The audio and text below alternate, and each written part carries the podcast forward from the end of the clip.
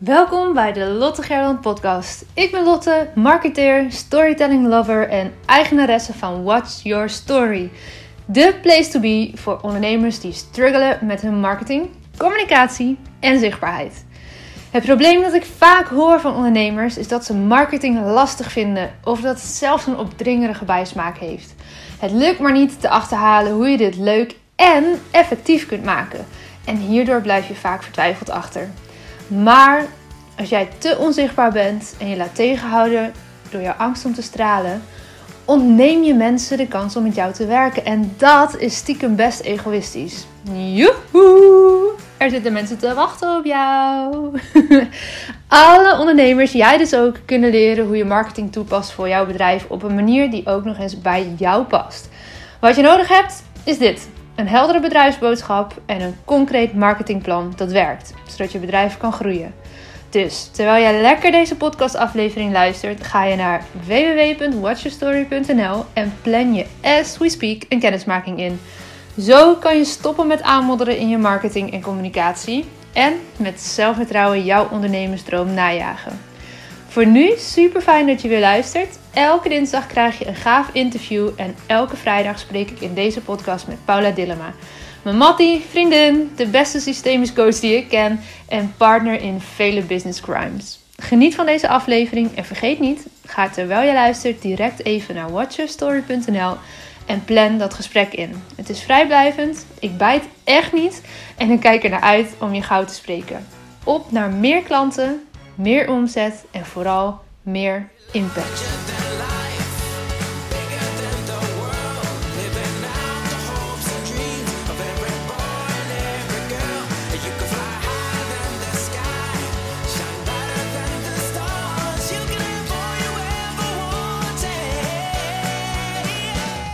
Hey Evelien, welkom in de podcast. Wat Dankjewel. Fijn dat je er bent. Dankjewel, leuk om hier te zijn Lotte. Super. Sowieso vind ik het super leuk, want we hebben elkaar best een tijdje niet gesproken. Ook mede door uh, dat ik natuurlijk een tijdje uit was. ik ben heel benieuwd naar wat er bij jou allemaal is gebeurd in die tussentijd. Gaan we het uitgebreid over hebben. Um, maar voor alles, en voor ik je vraag jou straks even voor te stellen wie je bent, wat je doet, wie is jouw grootste inspiratiebron? Ja, lastige vraag vind ik dat, want ik heb er zoveel. Elke keer als ik een boek lees, dan, uh, dan is dat weer een inspiratiebron. Uh, maar ja, de grootste waar ik de afgelopen tijd wel mee bezig ben, is Tara Moore van het boek Playing Big. En ik heb uh, twee jaar terug is nu denk ik, anderhalf jaar terug ook uh, haar um, Playing Big Facilitators training ge, um, gevolgd. Ja. En uh, wat ik zo, ja, wat, wat mij intrigeert is, weet je wel, we, we hebben allemaal een bepaald doel voor ogen. We weten ook allemaal van dat zit in ons, dat kan ik bereiken. Maar toch, weet je wel, waarom lukt het dan niet? Ja, waarom, nee, in mijn geval, ik zal straks meer over vertellen, waarom, als je zo graag wil schrijven, als je dat boek wil schrijven, waarom ga je het niet doen? Weet je wel? En daar zie ik het op zoveel levels, op zoveel manieren misgaan. Dus dat integreert me enorm van wat zit daartussen, waardoor het nou ja, waardoor, weet je, je wil het toch, waarom ga je het niet gewoon doen? En zij schrijft daarover waarom je dat dan misschien niet doet en hoe je dat kan aanpakken. Ja, want haar boek heet Playing Big en dat kan je eigenlijk zien als het tegenovergestelde van jezelf klein houden. De, en ja. ja. waarom houden we onszelf vaak klein? Wat zit daar vanuit de cultuur in? Ehm, en ja, wat voor strategieën kan je toepassen die wel ja, nuttig zijn, die, die je wel verder helpen? Ja, maar mooi. Ik ken de titel. Ik heb het boek niet gelezen, maar ik ken, uh, ik ken het boek wel. Dus dat is wel een aanrader als ik jou uh, zo hoor. Ja, en ik merk, het is ook wel echt een boek wat, zeg maar, sommige mensen soms wegleggen. Dat ze denken, oh, nou, nu heb ik er helemaal niks mee. Mhm. Maar een paar jaar later weer pakken en, en zeggen, wow, dit is echt een mega interessant boek. En ik heb het zelf ook twee keer gelezen. Het is ook een boek wat als je het vaker leest, dat je weer dat een heel ander hoofdstukje heel erg aanspreekt. Uh, en uh, ja, ik weet dat de eerste keer dat ik het las, was ik heel erg geïntegreerd in de innerlijke mentor. Dat is zeg maar de positieve kant van tegenover de innerlijke criticus. Van, oh, is er ook een stem die... Een andere stem nog een mentor ergens verstopt. ja, en de tweede keer zat ik veel meer op die strategieën waarmee we onszelf eigenlijk willen verstoppen. Mm -hmm. En hoe je die dan doorbreekt. Ja. Dus, uh, oh, ja. Ik, ik heb hem al heel lang namelijk op mijn bol.com lijstje staan, maar nog niet ehm, gekocht of gelezen. Ik heb hier namelijk achter mij en, en door het hele huis heen verspreid eigenlijk nog zoveel boeken die, die ik dan eigenlijk nog wil lezen. Maar dit is er zeker één van. En nu je hem tipt, ga ik daar zeker eh, een keertje tijd voor maken. Leuk. Ja. Hey, ehm, kan jij vertellen voor degenen die jou niet kennen, uh, wie je bent en vooral ook wat je doet? Ja, mijn naam is Eveline Broekhuizen. Um, ik ben schrijfcoach en ik begeleid ondernemers en ervaringsdeskundigen met het schrijven van hun boek. Mm -hmm. uh, ik heb ook een kaartendek gemaakt om uh, ervoor te zorgen dat je kan schrijven vanuit je intuïtie. Ja. En, um, ja, en aan de afgelopen tijd hou ik me ook steeds meer bezig met zeg maar, de zwaardere onderwerpen. Want schrijven is in eerste instantie ook een reis naar binnen. En die kan heel mooi zijn, maar het kan, ja, je kan ook van alles tegenkomen wat daar verborgen zit. Dat, ja, uh, je maakt altijd wel wat emoties los. En hoe je daar dan mee om kan gaan, ook als je echt zwaardere stukken wil gaan schrijven. Ja. ja, dus als je. Het gaat puur voor mensen die dus een boek willen schrijven en daar dan stukken tegenkomen en denken, oh, daar wil ik eigenlijk wel iets over schrijven, maar hoe doe ik dat in hemelsnaam? En misschien dan weer terugduiken in de emotie, in de pijn van toen. Hoe je daar goed uh, nou ja, doorheen komt en dat dan mooi op papier kan zetten. Ja, ja, als je merkt van, hé, hey, ik, heb, ik heb een verhaal te vertellen hier in wat ik heb meegemaakt. Het zijn, mij ja. ook ondernemers en ervaringsdeskundigen. Er zit altijd een stukje persoonlijk verhaal in. Mm. En ik werk ook het liefste samen ja, aan boeken over persoonlijke ontwikkeling. Ja. Uh, en mijn, ja, hiermee ga ik nog een stukje eerder in het proces eigenlijk ook van, ja, wat... Uh, hoe kan je dat verhaal gaan omarmen en het zo vertellen dat de juiste intentie erin zit en uh, dat het niet een soort zielig verhaal wordt. Ja. Wat je misschien puur voor verwerking zo schrijft. Maar als je merkt van, hé, ik wil er meer mee. Ja, hoe kan je dat aanpakken? Ja, mooi man. hey, het schrijfcoach. Wanneer komen mensen bij jou? Ja, over het algemeen, wanneer ze zeggen ze van, ja, ik wil al heel lang een boek schrijven. Of ik zeg altijd, heel veel mensen in mijn omgeving zeggen, oh, je zou echt een boek moeten schrijven. Ja. Uh, en meestal komen mensen bij mij als ze merken van, nou ja, nu, nu wil ik het echt goed gaan aanpakken. Nu wil ik er echt uh, mee aan de slag. Ja, en natuurlijk heb ik daar, voor die fases daarvoor, weet je wel, je moet altijd, een boek is best wel een groot project. Dus uh, ik daag mensen ook altijd wel uit van, ja, het begint ook gewoon met schrijven. En voordat je aan een boek begint, we gewoon lekker alvast meters maken. Dus daar heb ik ook altijd wel wat, uh, ja, zoals dat uh, kaartendek, Um, en in mijn blogs en in mijn schrijf, online schrijfsessies geef ik altijd eigenlijk een soort inspiratieboost. Zodat mensen gaan voelen van, oh ja, ik kan inderdaad gewoon beginnen met schrijven. Uh, vaak maken we dat in ons hoofd heel moeilijk. Oh, dat en... moet gelijk een heel boek uitrollen. Liefst zo in één vloeiende sessie. Ja, van ja. kaft tot kaft. Ja, ja, dan gaan we het allemaal in ons hoofd bedenken. En dat is ook een stukje van je mind gewoon die jou bezig wil houden. Met van, oké, okay, jij wil iets, maar hoe ga je dat dan doen? En hè, soms komen mensen al bij mij van, ja, ik wil een boek schrijven.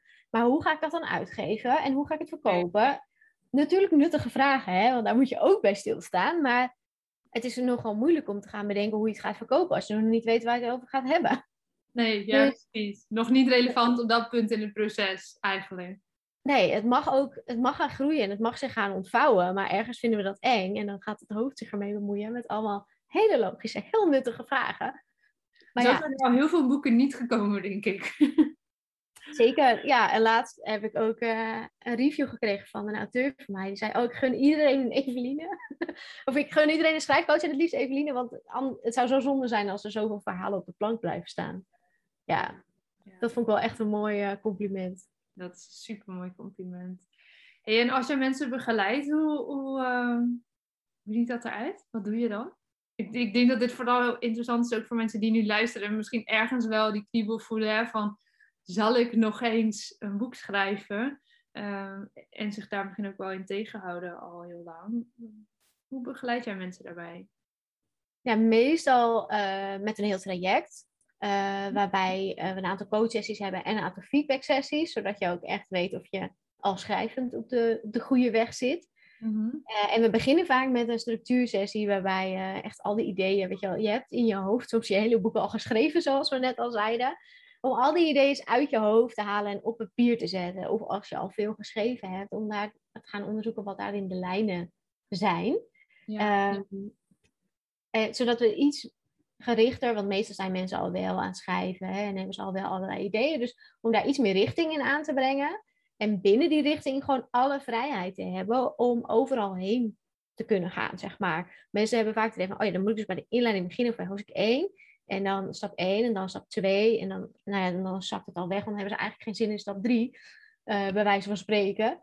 Um, en dat zie ik bijvoorbeeld ook vaak bij levensverhalen gebeuren, persoonlijke verhalen, dat mensen het chronologisch willen gaan vertellen. Ja. Terwijl het geeft zoveel vrijheid om, als je een aantal zeg maar, uh, onderwerpen op een gegeven moment op papier hebt staan, waarover je kan gaan schrijven, om het gewoon te gaan voelen van, oh, waar heb ik nu zin in? En... Dat je het eigenlijk door elkaar heen schrijft en pas op een later moment daar een structuur in aanbrengt. Ja, en het wel, maar wel al weet waar, het waar je het ongeveer kan ophangen. Zodat je al wel, je hebt al wel een kapstok.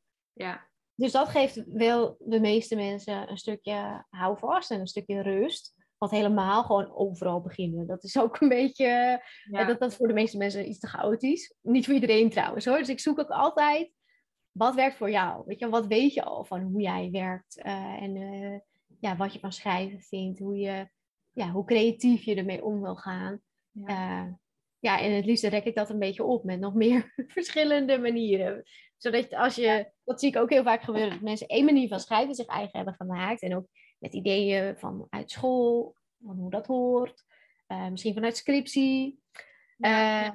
En, en als dat dan niet werkt, weet, je, weet je dit werkt niet voor mij of uh, het lukt niet. Dan blijft het erbij.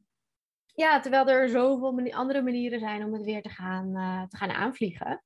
En als, zolang je jezelf daar, daarin dus ook mild bent, niet van, ah, het lukt niet, maar hey, dit werkt vandaag niet. Wat zou vandaag wel werken? Ja. Dan wordt het al veel fijner. Mooi. Ja, ja en ik denk dat uh, tof is, dat, dat, dat ga ik gewoon even noemen. We hadden het net in ons korte voorgesprek erover. Jij bent, nou dat is denk ik wel een jaar of drie misschien wel geleden. Ik denk nog langer. Groningen geweest woon nu anderhalf jaar hier. Het was wel in mijn laatste huis daar. Ik denk even hardop. Nou, ik denk een jaar of drie geleden. Ja. Ehm, in Groningen geweest voor wat destijds mijn, uh, mijn VIP-dag was. En waar we jouw hele verhaal onder de loep hebben genomen. En je zei het heel mooi in de intro. Ehm, ja, mensen hebben vaak helemaal niet door dat er ergens, hè, dat, dat iets een verhaal is. Weet je nog toen ik bij jou kwam en zei van ja, ik heb wel ook wel iets meegemaakt, maar ja, dat is niet zo'n verhaal hoor. Wat is er gebeurd tussen toen en nu met dat stukje van jouw verhaal? Wil je ons daar even meenemen? Want dat was ik echt, moest echt hard op lachen zo net.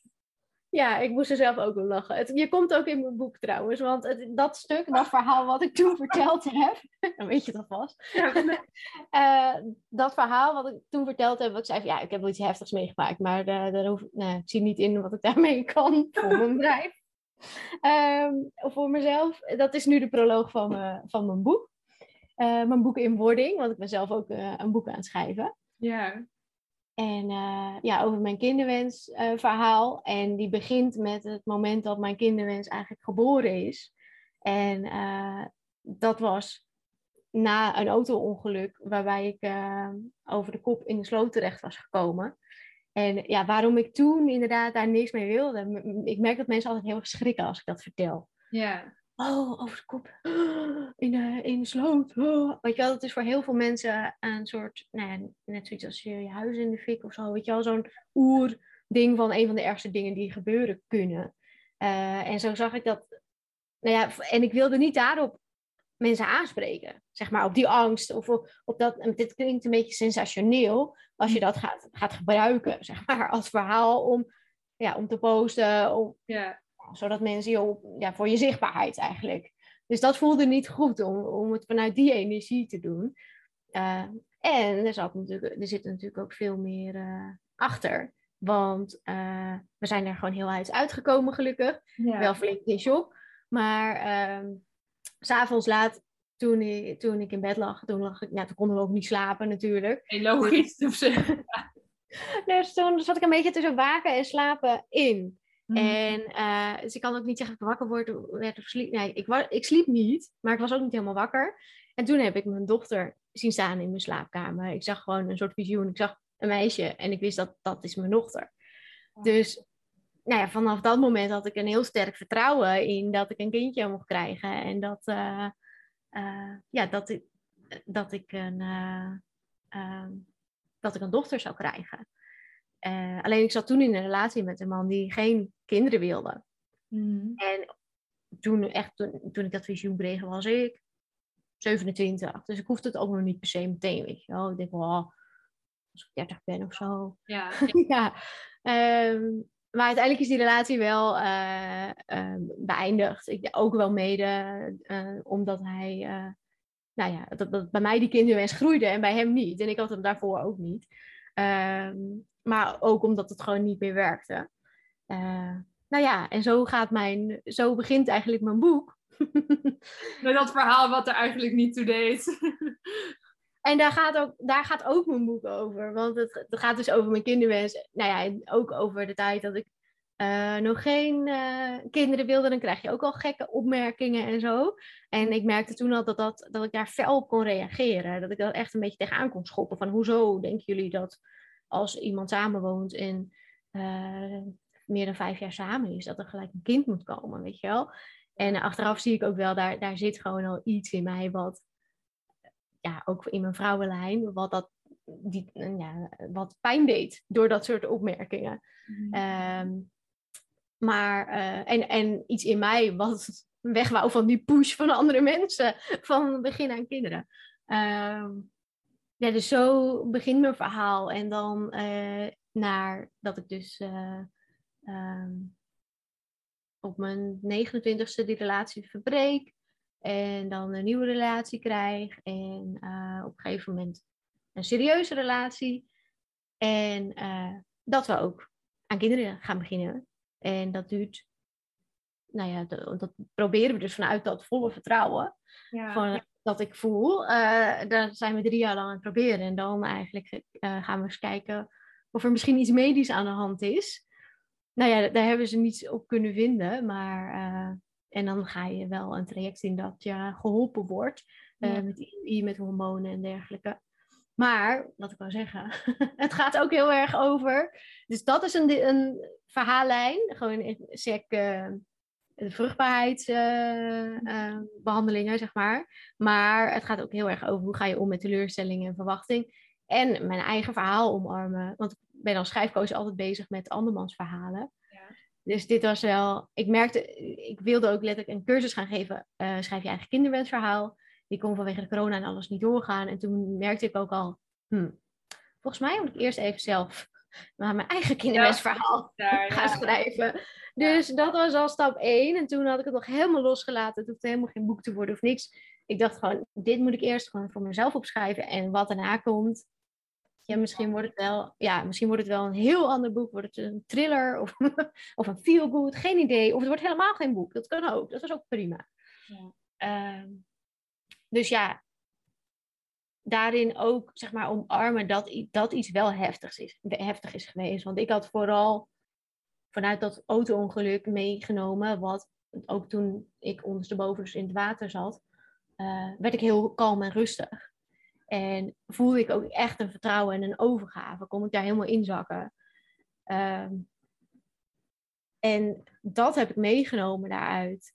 Altijd. Maar ik heb heel lang niet erkend hoe, hoe heftig het eigenlijk wel was. was ja. Ja. ja. Want hoe bizar ook eigenlijk dat je in plaats van paniek je zo kalm en rustig voelt. Het, klinkt bijna als een soort van bijna doodervaring of zo. Dat je al heel ja, een soort van in die rust daalt of zo. Maar ja, het is denk ik wel om daar goed uit te kunnen komen, uh, misschien wel je redding geweest.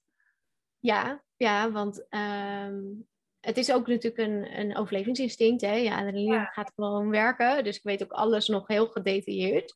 Ja. Um, en, ja, het is vluchten, uh, vechten of bevriezen. En ik, eigenlijk is het bij mij een bevriezingsreactie. Maar ja, wat daar dan gebeurt en hoe kalm je alles registreert. En uiteindelijk is, het, is dat inderdaad een soort van redding geweest. Want de auto was op slot gegaan door de kortsluiting. Dus degene die ons had aangereden, waardoor we in de sloot uh, terechtkwamen, die was ook wel meteen het water ingesprongen, maar die kreeg die deuren niet open. En ik had dus eerst heel wel het idee van, oh, ik zwem naar die deur toe. dat ging namelijk heel snel, want het raam was open. Maar ja, ik kon ook niet naar die deur heen zwemmen, want er stond van alles. Ja, je auto is andersom. En Ja. je hele... ja, ik, volgens mij zwom ik gewoon tegen de, tegen de stoel aan of zo, weet je wel. Maar ik, had, ik kwam gewoon nergens. En daarna had ik dat, eh, dat rustpunt. Maar mijn toenmalige vriend, die wel... ehm, die zat af het stuur en hield zijn handen nog tot het laatste moment aan het stuur. Dus die... En die heeft geregistreerd dat die, dat die deuren op slot gingen. Die hoorde tuk tuk. Dat die, die heeft dat onthouden van, hé, hey, de deuren gaan op slot.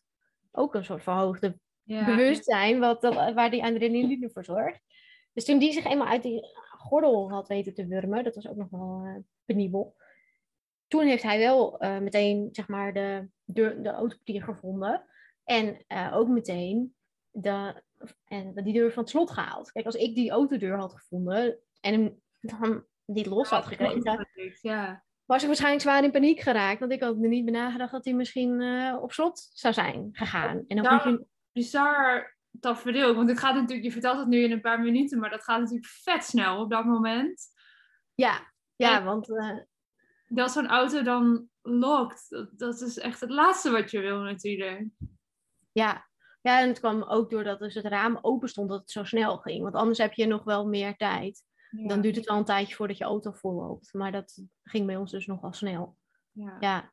En de mensen op de kant die zeiden van ja, we wilden net eh, een eh breekijzer of zo gaan pakken. En wij dachten, ja, net. Ja, dat, dat, dat zou dus. Ja, die zouden naar een boerderij moeten lopen en weer terug. Dat Ja. zou echt al te Dat laat was zijn. niet gelukt. Nee. Nee. En ook de- politie die later kwam, die zei van, nou, weet je, jullie mogen echt van geluk spreken, want we hebben ze er wel eens anders uitgevist. Ja, dat wil Ja. ook ja. Ja. Ja. Hoe zijn jullie daar uiteindelijk uitgekomen voordat mensen met dit vraagstuk eh, de dag weer door moeten als ze dit luisteren? En ik yes. Zullen we nog eventjes ook de plot, het plot nog even onthullen voordat we een volgend padje nemen? Ja, mijn, vriend, mijn toenmalige vriend die, die ging dus naar het autoportier en die eh, deed meteen dat, dat dingetje naar beneden. Eh, want de achterkant van de auto was zeg maar, nog een beetje boven water. Dus je gaat als vanzelf eh, naar, naar de bovenkant van het water, zeg maar. Dus via de achterdeur, die heeft hij gewoon opengekregen. En toen zijn we eruit gegaan. Wauw. Ja. Goed. Nou ja, dat is inderdaad. eh, ik weet nog, want jij hebt me dit verhaal natuurlijk eerder verteld. Ehm, en dat jij zei, ja, nou ja, daar hoef ik verder niet zoveel mee. Dat is toch niet zo, niet zo belangrijk. Ik weet nog dat je daar toen echt een soort van. Je kon bijna zo aan je zien van, ja, ga ik dit nu überhaupt delen? Is, het, is, dit, is dit onderdeel van mijn verhaal? En nou ja, ik vind het heel mooi om te horen dat dat nu dus eigenlijk, nou ja, zo je boek, hè, dat je boek daarmee begint en dat dat juist zo'n mooi, mooi tussen haakjes onderdeel van je verhaal is geworden. En dat het is gebeurd is natuurlijk niet mooi, maar wat je er nu mee doet is wel heel mooi. Ja, en ook, ik herinner me ook nog dat jij inderdaad toen eh, gespannen zat te luisteren. Ook van ja, en toen en toen, weet je wel. Ja, precies. En nou, toen had ik over het visioen verteld. En wat toen had ik dat chronologisch verteld. En toen zei ik, ja, en nu? Weet je, en dat, ik voelde ook die verwachting. van, Nou, en nu ben ik zwanger of nu heb ik een kindje, weet je wel. Dat Ja. verwacht je helemaal aan het eind van dat verhaal. Van, heb ik mijn kindje gezien en nu is ze geboren en is ze twee jaar oud. En we, we zaten net van, hoe lang zal het geleden zijn? Nou, het zal inderdaad ongeveer drie, drieënhalf jaar geleden zijn. Dat wij net een jaar, anderhalf jaar bezig waren, denk ik. Dat ik denk van, ja, en nu? Nu? Nu En- niks. is het meisje er nog niet. Nee. Nee. Nee. Dat is pijnlijk confronterend misschien, maar wel ook waarom we vandaag dit gesprek hebben. Want die kinderwens is er nog steeds, heb je mij verteld. Eh, die dochter die is waarschijnlijk nog steeds ergens heel mooi onderweg. Dat, dat hoop ik absoluut met je mee. Ehm, maar kan jij daar meer over vertellen hoe dat eigenlijk sindsdien is gegaan? Ja, nou ja, ik merk dus vandaar dat het nu ook in mijn boek zit. Omdat die spanning dus van, oh ja, en nu is het er. Maar nee, het is er nog niet. En hoe ga je daar dan mee om, weet je wel? Die verwachting vanuit, ja, iedereen heeft dan gewoon een positieve verwachting. Oh, wat zou het fijn zijn voor jullie als het zou lukken. Ja, Ehm, en, ehm, en als dat uitblijft, weet je wel, dat niet weten, hoe ga je daarmee om? Dus dat vind ik ook interessant om daarover te schrijven. En een boek geeft dan wel de mogelijkheid om daar dieper op in te gaan. Want hoe Ehm, ga jij daar dan mee om? nou, het is, een- een soort ride, ride the waves. elke, elke keer weer. Daarin, da- daarin zie ik ook wel, eh, ja, het zitten wel verschillen in. Ik merkte die eerste drie jaar gewoon zoiets van, vanuit het vertrouwen van het komt wanneer het komt en op het goede moment. En ik was, we zijn begonnen dat ik drie, 34, 33, 34 was. Eh, en uh, nou, als je dan op een gegeven moment over de 35 gaat, Hmm. dan begint het ook wel weer een beetje. Spannend. Ja, maar dan, dan ben vandaar dat, ik, we- dat we wel uiteindelijk dachten van nou, hè, als we hulp, weet je, die hulp is er. Dat was ook wel een inzicht, want eh, je hebt zo'n verhaal ook van een man die verdrinkt. ehm, in een, eh, en die, die dobbert in de zee en dan komt er een boot langs die zegt, hier heb je een, ehm, heb, je een reddingsband? Nee, nee, nee, eh, is niet nodig, God red me. En dan komt er weer iemand langs, en weer een boot langs en die gooit een touw naar hem toe. Zo, touw nee, dat is niet nodig, God red me. En dan komt er weer iemand langs en die eh, wil hem uit het water vissen. Nee, nee, dat is niet nodig, God red me. En dan komt hij uiteindelijk in, ja, overlijdt hij, komt hij in de hemel en zegt hij tegen God, waarom heb je hem niet gered? Hij zegt, nou, ik heb drie mensen op je afgestuurd. Ja, maar je wou het niet. Nee, Ja. nou ja, en dat was voor mij ook wel een inzicht. Ja, die mogelijkheden zijn er. Dat- Ja. Ja, en alleen al de rust, hè, dat je misschien kan zien, misschien moet ik wel eh, vitamines bijslikken en that's it, weet je wel. Ja. Eh, als dat er is en als dat kan, dan is het alleen maar fijn. En na drie jaar proberen is de lol van proberen er ook al een beetje af. Dus als je dan weer zit van, oh, we moeten weer. Ja. Je, gaat op een gegeven moment toch eh, een beetje eh, uitkiezen eh, op welk moment het het handigste is. Mm, Ja, dat is niet echt romantisch meer of zo. Dus dan is een beetje hulp daarbij ook wel fijn. Eh, dan gaat het romantische er helemaal vanaf. dat wel. Ja, maar goed, dan is dat, ik, ja, dat is dan wel een, een bewuste keuze om dan dat op die manier te... Natuurlijk gaat het romantische er dan nog meer vanaf, maar dan komt misschien juist het romantische eh, daarbuiten die dagen weer een beetje meer terug. Als je niet zo, eh, ik weet het niet hoor, vul ik in, maar Ja, ik heb altijd wel erom ge, om gedacht om niet de hele focus daarop te gaan leggen. Weet je wel? Om niet heel geforceerd en krabbelachtig ermee bezig te zijn. Dat vind ik, al- ja, zo zit ik gewoon niet in elkaar. Ook denk ik vanuit dat vertrouwen dat ik er zo ingestapt ben. Ik ken ook vrouwen die kopen meteen een ovulatietest. En eh, ja. weet je wel, die gaan meteen eh, Ja, de bak. ja, kan ook. Ook een strategie, ja. Ja, precies. Dat kan, eh, ja, maar dat, dat, ja, dat is niet mijn manier eh, van dingen aanpakken. Dus ehm, Wat hebben jullie gekregen of aangenomen? Hè? Welke touwen en eh, reddingsboeien en zo hebben jullie vervolgens eh, wel aangepakt? Nou ja, dan ga je dus naar de huisarts en naar de, die wordt door, dan word je doorgestuurd naar de gynaecoloog eh, in het ziekenhuis. Ehm, en daar gaan ze eerst dus eh, nou ja, onderzoeken of het zaad goed genoeg is. En of, ehm, eh, ja, dus kijk even bij mij van binnen met de interne echo of dat allemaal goed uitziet. En je krijgt gewoon een uitschrijfje en ze checken voor SOA's en dat soort dingen. Mhm. Ehm, en, en dan krijg je een onderzoek om te kijken of je eileiders eh, doorgaanbaar zijn. ja. Want als daar, ja, als daar een blokkade zit, zeg maar, dan kan je eitje niet eh, springen. Dus, of die kan niet naar je baarmoeder. Dus dan, en en eh, het zaad kan niet naar het eitje, dus dan gebeurt er ook niks. Mhm. Ehm, dat is best wel een pijnlijk, nou dat is echt een behoorlijk pijnlijke ehm, ingreep. Maar ehm, dat, dat was eigenlijk het pijnlijkste van alles nog. En, eh, en, ze kijken, en je moet bloed prikken om te kijken of je oestrogeen en je progesteron eh, hoog genoeg is. Ja, of je, eigenlijk om te kijken of je een ijsprong hebt. Ja. En je gaat, zeg maar, en je gaat eh, temperaturen om je cyclus in Ja. te brengen. Nou, en van daaruit kijken ze van wat voor behandeling zouden we jullie weer geven. Er was, ei- eigenlijk was alles in orde.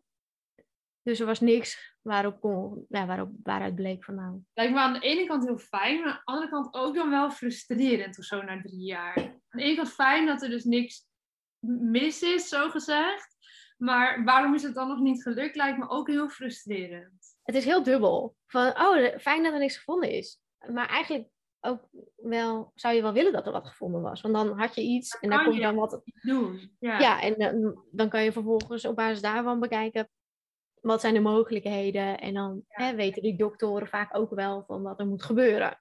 Ja. Maar dat was dus niet zo. Maar eh, we waren evengoed wel eh, geschikt om aan IUI te beginnen. Dus dat is, de meeste mensen kennen wel IVF. Dan wordt, eh, dat is natuurlijk in vitro, dus dan wordt het in een uh, P3-schaaltje, wordt de bevruchting gedaan en dan wordt het teruggeplaatst. Ja. Maar UI is in utero, dus dan wordt het, in, wordt het zaad zeg maar, opgevangen en dan worden de beste geselecteerd. En die worden uh, op het juiste moment, en ik slik dan uh, of prik hormonen. En uh, ook die, dan wordt gekeken of de eiblaasjes groot genoeg zijn. En dan moet je prikken om ervoor te zorgen dat je een ijsprong krijgt. Ja. En dan, zodat ze precies kunnen uitkiezen wanneer dat zal zijn. En wanneer dan dat semen naar binnen wordt gebracht. En dat wordt dan hoger dan bij normale natuurlijke wijze ingebracht. Ja. Zodat het minder ver hoeft te zwemmen. Mm -hmm. um, en dat is nu vier keer gebeurd. In ieder geval drie keer. Eén keer is alleen die inseminatie. Heb ik wel al die medicijnen gehad. Maar toen, dat was ongeveer een jaar geleden, toen stond de sneeuw zo hoog. Dat we niet naar het ziekenhuis konden komen. Oh, dat is ook wat. Ja. Zeker ja, dat... die eerste keer, dus dan ben je helemaal zo een beetje gehyped en spannend. En dan gaat het gebeuren en dan niet. Ja. Ja, het was de tweede keer. Ja. Ja, maar het was wel echt... No. Uh, ja. ja, en dan denk je dan van, nou ja, hè, misschien lukt het even goed nog. Dan, ga je, dan zijn we toch weer een, uh, het bed ingekropen. Ja, dat mag gewoon onder de dekens door. Een beetje warm maken. Ja, dat, ja, dat hoop je dan toch. Dat kan, dat kan ik me voorstellen. Maar... Want bij mij, met die medicijnen, was bij mij wel alles gerijpt en gedaan. En, uh, ja. Maar ja, dat, dat, dat was ook geen zoden aan de dijk. Dus, um, en daarna hebben we even uh, pauze genomen. En dat is eigenlijk nu nog steeds. Ik merkte dat ik echt wel... Uh, je, hebt, je hebt gewoon echt heel, best wel veel ziekenhuisafspraken. De behandeling zelf vond ik niet zo, zo zwaar. Mm. Maar alle afspraken en hoe je er dan mee bezig bent. Want je kan dat niet plannen. Je moet gewoon bellen op de dag dat je ongesteld wordt. En dan zeggen ze, nou kom voor een echo. En dan moet je... Dus ja, de eerste drie was met... Um, dan moest ik pillen gaan slikken. Dat, was ook, dat viel allemaal ook nog wel mee. En dan moest je voor een echo... Om te kijken of die eiblaasjes groot genoeg waren. Mm -hmm. uh, en als dat niet zo was, twee dagen later weer naar, voor een echo. En daarna voor die inseminatie dan uh, naar het ziekenhuis. Maar na drie pogingen... Uh, kwam er een iets zwaarder hormoon, ook waarbij, je elke, waarbij ik dan elke dag moest prikken. Ook omdat je dan een beetje gewend raakt om te gaan leren prikken, wat je bij IVF uiteindelijk nog veel meer moet. Uh, en dan moest je ook telkens ook nog weer naar het ziekenhuis om je bloed te laten prikken. Toen was ik bijna, bijna flauw gevallen. Uh, en uh, nou ja, en ik merkte gewoon, ik was, ik was weer helemaal in de do-mode. Dus helemaal in, op de, zeg maar, de mannelijke energie. Gaan, gaan, gaan. Afspraken. Hoe regel ik dit met mijn werk, met mijn dingen. Want op zich heb ik, ben ik natuurlijk eigen ondernemer. Kan ik uh, mijn ja, eigen tijd bepalen. Niet dat je niks hoeft te doen. Integendeel. Nee. En weet je wel, we wonen best wel ver van de stad. Dus het is drie kwartier rijden naar het ziekenhuis en drie kwartier terug. Heel belastend ook. En al die tijd mis je, dit is gewoon een gat uit je werkdag. En, uh, en natuurlijk, ja, ik hield er wel een beetje rekening mee, maar je weet ook niet, je weet ergens, zeg maar, komende twee weken, maar misschien komende week of volgende week of die week ergens, je kan er eigenlijk niet op plannen. ergens krijg ik het vet druk. Ja. En dan moet ik dingen uit mijn agenda schrappen en uh, afzeggen. En de, sommige van mijn klanten wisten het ook wel hoor. Uh, de meeste denk ik wel. Uh, dus ja, de, de, je bent er in je hoofd wel de hele tijd mee bezig. Naast waar, je, waar ik altijd al allemaal mee bezig ben vanuit mijn bedrijf. Gewoon sowieso al, ja, ja. Ja, en het was ook een fijne afleiding. Weet je, het is ook... Ik hou van mijn werk, ik vind het heel leuk. Dus het is ook heel makkelijk om me daarin te gaan verliezen. En om in die verhalen van anderen te duiken. En daar lekker mee bezig, ja, bezig te Dat je niet met je eigen verhaal even bezig moet zijn. Ja, Wat dan volgens mij niet per se slecht hoeft te zijn. Ik bedoel, jij bent het zeker niet uit de weg gegaan in die zin dat uh, je het ergens wegstopt. Integendeel, je deelt er super open over nu. Want dat is eigenlijk wat vervolgens um, jouw boek is gaan vormgeven, toch? Nu, dit verhaal wat je nu net met ons hebt gedeeld. Ja, ja, en daarin, nou, zoals ik al eerder zei, ik wilde dus een cursus gaan geven, uh, schrijf je eigen kinderwensverhaal. Dus naar aanleiding daarvan uh, deelde ik al wat. Je hebt in november altijd de maand van de vruchtbaarheid, of de week van de vruchtbaarheid. dus toen ben ik zo een soort van uit de kast gekomen dat we bezig waren. geschreven daarover. Ja, dat herinner ik me nog. Ja, en dat was ook al heel fijn om dat zo te delen. Ehm, omdat het het veel makkelijker maakt om het gesprek aan te gaan. Ja. Weet je, het is er gewoon een uh, kwetsbaar onderwerp. ja, je hebt genoeg mensen die wel gewoon zeggen: hey, hoe gaat het met zwanger worden? Of wanneer wordt het dus tijd voor een kindje? De meeste mensen weten wel dat dat niet altijd een fijne opmerking is. Uh, maar soms zijn we daarin dan ook te voorzichtig, zeg maar. En ik ga er ook niet zomaar over beginnen. Dus dit was heel fijn. Dat mensen konden zeggen van, hé, hey, ik heb je blog gelezen. Weet je wel, dat was zo'n... Ja, dan heb je de oefening om dat gesprek te kunnen voeren, ja. Ja, ja. Dus dat, uh, dat was wel mooi om te merken, dat dat uh, zo goed werkte. Kwamen daar ook dan nog weer reacties, misschien wel privé, naar jou toe van uh, stellen of vrouwen die zeiden van, hé, hey, maar wij zullen hier ook mee, dat je dat ook nog merkte? Ja, ja, ik heb veel reacties gekregen van nou, wij ook. En ook echt mensen waarvan ik het helemaal niet wist en niet had verwacht. Uh, ook mensen vanuit het verleden, dat ik dacht van, oh joh, ja, helemaal geen contact meer mee, maar, toch, maar die dan wel dat toch even de hart onder de riem willen steken, zeg maar. En mensen die nu wel kinderen hebben, mensen bij wie het, die, bij wie het niet is gelukt uiteindelijk, of die er zelf ook middenin zitten. Dat was wel heel mooi om, uh, om terug te krijgen, ja. Ja, ja dat, maar dat vind ik heel mooi om te horen, want kijk, als ik kijk naar, naar wat ik doe vanuit mijn bedrijf, heeft dat natuurlijk heel veel daar ook mee te maken. Los van dat het gaat om je bedrijf positioneren en dat goed in de markt zetten, noem maar op. Uh, zit er altijd het rotte sausje overheen van die persoonlijke verhalen daarin meenemen en daarin delen. En nou was dit natuurlijk niet per se geïnitieerd vanuit ik moet hier business uithalen. Maar juist doordat dat niet eronder lag, krijg je dus zo mooi die verbinding naar voren en dat mensen uh, ja, jou ook ineens weer allemaal dingen gaan toevertrouwen. Wat je zegt, dat het gesprek geopend kan worden. En dat er nu dan ook nog business-wise van alles uit voortvloeit. Uh, dat is juist, denk ik, omdat het zo puur is geweest hoe je dat hebt gedeeld. Ja, ik merk dat daar wel een stuk van mijn missie zit ook. Want er, zat al, ja, er zit af en toe wel ook dingen vanuit mijn business aan. Zo'n cursus die ik wil geven. Ja. Uh, zo'n online training die ik nu heb neergezet. Dus als ik daar ook over ga promoten, moet ik mezelf elke keer weer even helpen herinneren aan mijn missie. Dat ik het vanuit die energie doe. En niet vanuit, oh, ik gebruik dit stukje van mijn persoonlijke verhaal om iets te verkopen. omdat dat voelt heel anders. Mm -hmm. uh, de, zo is er ook een boek op mijn pad gekomen, uh, noem mijn naam en ik besta heet dat. En dat gaat over uh, de wet registratie, de wetswijziging die is ontstaan zodat ook ja. doodgeboren kinderen geregistreerd kunnen worden. En uh, ja, de auteur en ik zijn gewoon op een heel mooie manier bij elkaar op elkaars pad gekomen. Waarvan zij ook weet van nou, dat is niet voor niets. Weet je wel, dat werkte bij het schrijven van dat boek uh, op alle manieren zo. Ook bij de corrector. Weet je wel, er kwamen gewoon mensen op haar pad om haar, haar daarmee verder te helpen. Um, om te schrijven over hoe die wetswijziging, hoe dat allemaal was gegaan. En daarin merk ik van dit soort verhalen.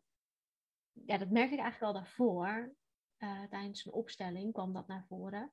Dat dacht, dit soort verhalen mag, mogen gezien worden en gehoord worden. En uh, ja, in een opstelling krijg je natuurlijk al heel vaak uh, dingen te zien van... Uh, oh, wacht. Er gaat een uh, piepeltje voor de mensen die kijken en niet alleen maar luisteren. Batterijniveau laag. Maar gelukkig hebben we echt drie verschillende opnames. Sorry dat ik je onderbreek. Ik ga deze even stoppen, want anders gaat die blijven piepen. Excuus. Yes. yes. Er wou blijkbaar nog iets gehoord worden. nou ja, bij, bij familieopstellingen, dan zie je natuurlijk vaak dat er miskramen of, of doodgeboren kinderen, dat die uh, gezien mogen worden. Ja. Uh, en ergens daarin merkte ik van, hé, hey, maar hier kan, hier, ik merk dat ik hierin iets te betekenen heb. Die, die verborgen verhalen, uh, dingen die niet gezegd mogen worden, niet, die niet gehoord mogen worden, om die naar het licht te brengen. En toen kwam uh, Natasja van het boek Noem mijn naam en ik besta dus op mijn pad. Ja. Zij had tien uh, offertes opgevraagd. En ik herinner me ook nog wel van... Ik ben na die opstelling zelfs gaan zoeken van... Oh, interessant. Weet je, kan ik iets met dit soort verhalen? Kan, zou ik daar Ja. verhalenboeken van kunnen maken of iets dergelijks? Ja, toen was ik haar naam wel tegengekomen. Helemaal niet bij nagedacht. Ja, dat was een hele algemene offerte-aanvraag eh, die ze me toen had gestuurd. Het was alweer maanden terug. Nooit meer aan gedacht. En eh, een week later belt ze me op en zegt: Ja, ik heb toen een offerte, maar dat, ik zal er wat meer over vertellen. Ja, ik heb er tien aangevraagd, maar ik weet dat ik jou moet bellen. Ja. Ja, Mooi hoe dat dan samenkomt. Ja, Ja. dat is echt tof. Dus het is niet, nou, daarin, daarin zie ik, merk ik ook, het is niet voor niets dat dit op mijn pad komt. En ik, ik heb er gewoon nog een verhaal eh, in te vertellen. Ja, en ik vind het echt super mooi. En ik ben heel dankbaar dat je dat zo open vertelt, ook hier in de podcast. Want dat helpt mee, denk ik, ook weer, net als die post die is geschreven en het boek wat er straks komt, om ehm, dit onderwerp gewoon veel bespreekbaarder te maken. En ja, dat mensen ook met elkaar kunnen gaan verbinden die hier tegen, uh, tegenaan lopen en met alles wat erbij hoort te dealen hebben. Ik denk dat die verbinding zo essentieel is, omdat het anders ook zo alleen en eenzaam kan zijn. Ja, ja en dat, die neiging heb je natuurlijk wel. Want we praten Ja. over het algemeen pas Het hoort over- eigenlijk niet of zo dat je dit. eh, Nee, pas dat als... is cultureel denk ik ook ingebakken dat, dat we dat dus met z'n allen niet doen. En daarom, nou ja, dankjewel aan jou dat jij een van de personen bent die ehm, daar wel mee naar buiten gaat en dat, hè, dat open probeert te breken op een liefdevolle manier.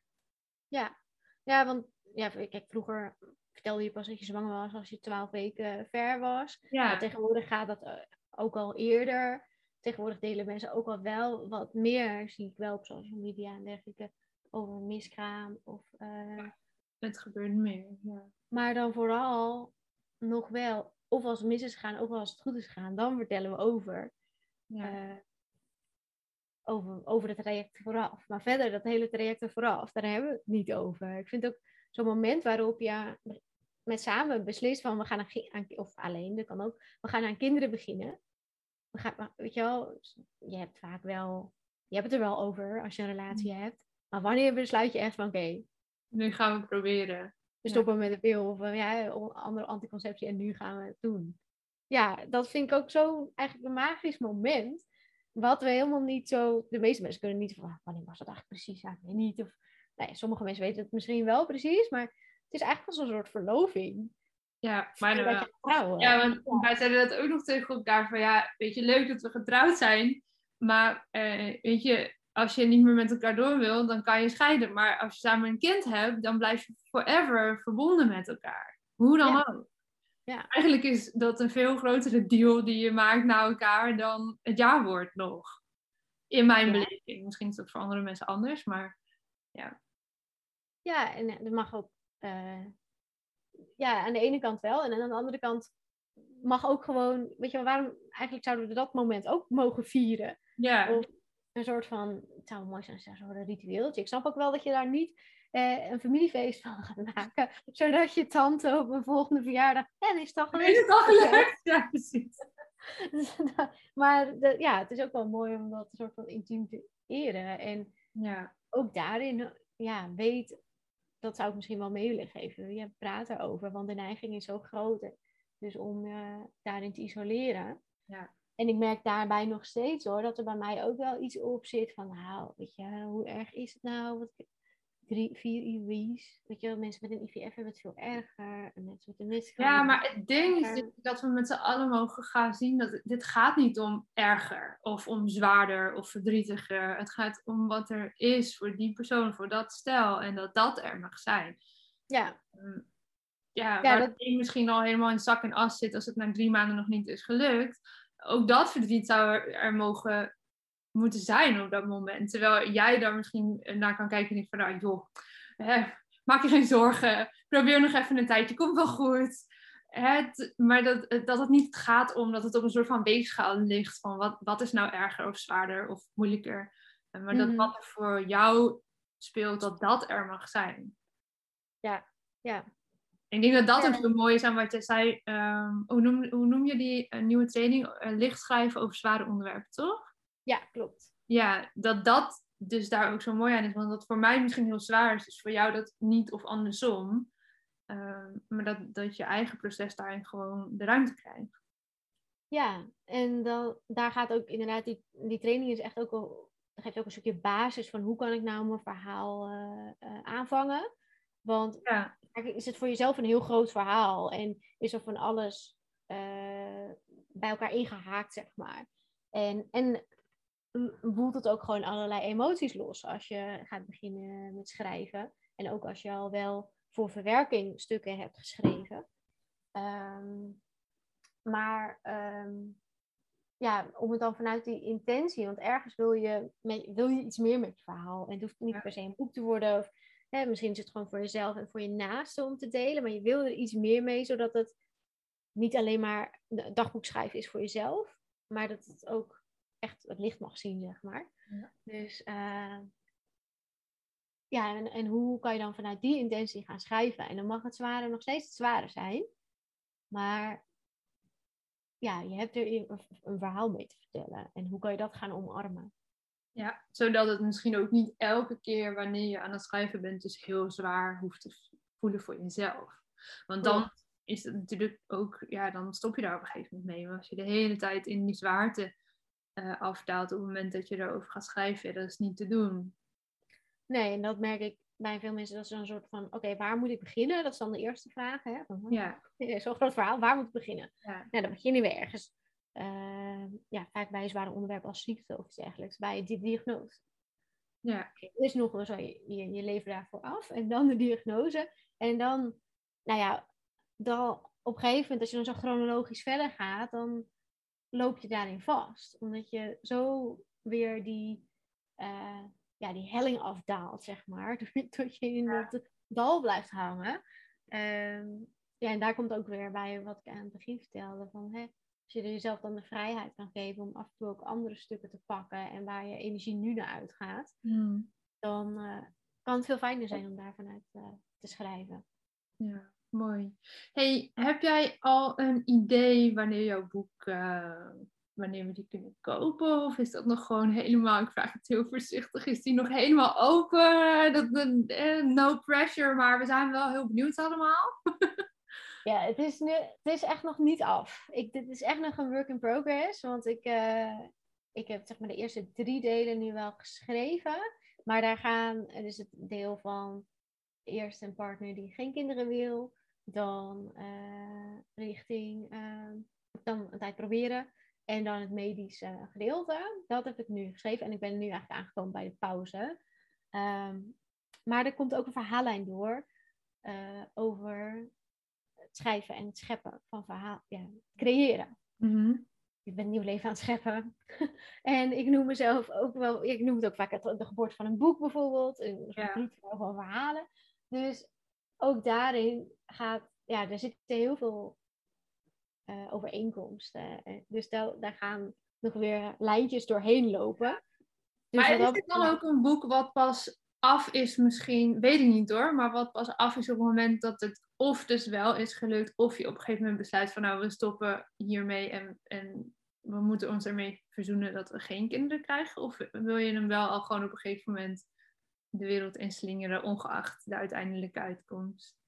Nou, daar heb ik later met mijn schrijfcoach, dus ik heb zelf dus inmiddels ook een schrijfcoach, uh, gesprek over gehad. Dus ik kan al een primeurtje verklappen uh, dat we waarschijnlijk wel willen eindigen met een open eind. Ja. Zodat ook de lezer gaat voelen hoe het is. Ook eigenlijk wat, wat we toen in ons gesprek hadden, uh, dat ik zei, dat je zei van ja, en nu?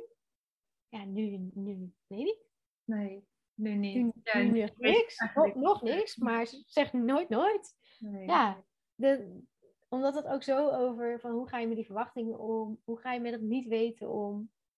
Ja, ik snap, ik snap die keuze wel. Want eigenlijk voelt dat als lezer bijna een beetje van onbevredigend. Dat er dan dus niet ja, hè, de een of de andere weg dan eruit komt. Maar dat is misschien juist wel het gevoel wat je mee wil geven.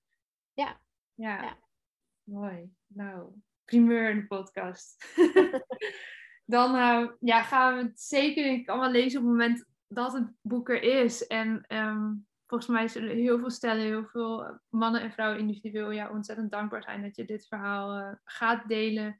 Dat je dit ehm, ja, overbreekt, het gesprek uh, ja, toegankelijk maakt voor heel veel mensen. En ik vind het ontzettend mooi hoe jij hier ja, in alle puurheid en eerlijkheid jouw verhaal hebt gedeeld. Dankjewel daarvoor. Dankjewel. Dankjewel voor het luisteren naar deze aflevering van de Lotte Gerdan podcast. Ik vind het te gek als jij deelt dat je hebt geluisterd, bijvoorbeeld via je Insta Stories. Tag me vooral, zodat ik jouw bericht ook weer kan delen. Samen bereiken we op die manier nog meer mensen en kunnen we nog meer impact maken. tot slot, ik zeg het nog maar een keertje, ga naar watchyourstory.nl en vraag een gesprek aan, zodat jij niet langer hoeft te struggelen met jouw marketing. Samen creëren we voor jou een heldere bedrijfsboodschap en een marketingplan dat werkt, zodat jij vanuit zelfvertrouwen je business kan laten groeien. En als je nog even moed wil verzamelen, luister dan naar de heerlijke Watch Your Story song als afsluiter van deze podcast. Tot de volgende! Here's your story, let's begin.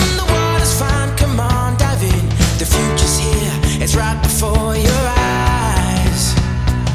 Step by step, you're on your way. Welcome to a brighter day. Don't you know it feels good to be alive? You could be larger than life,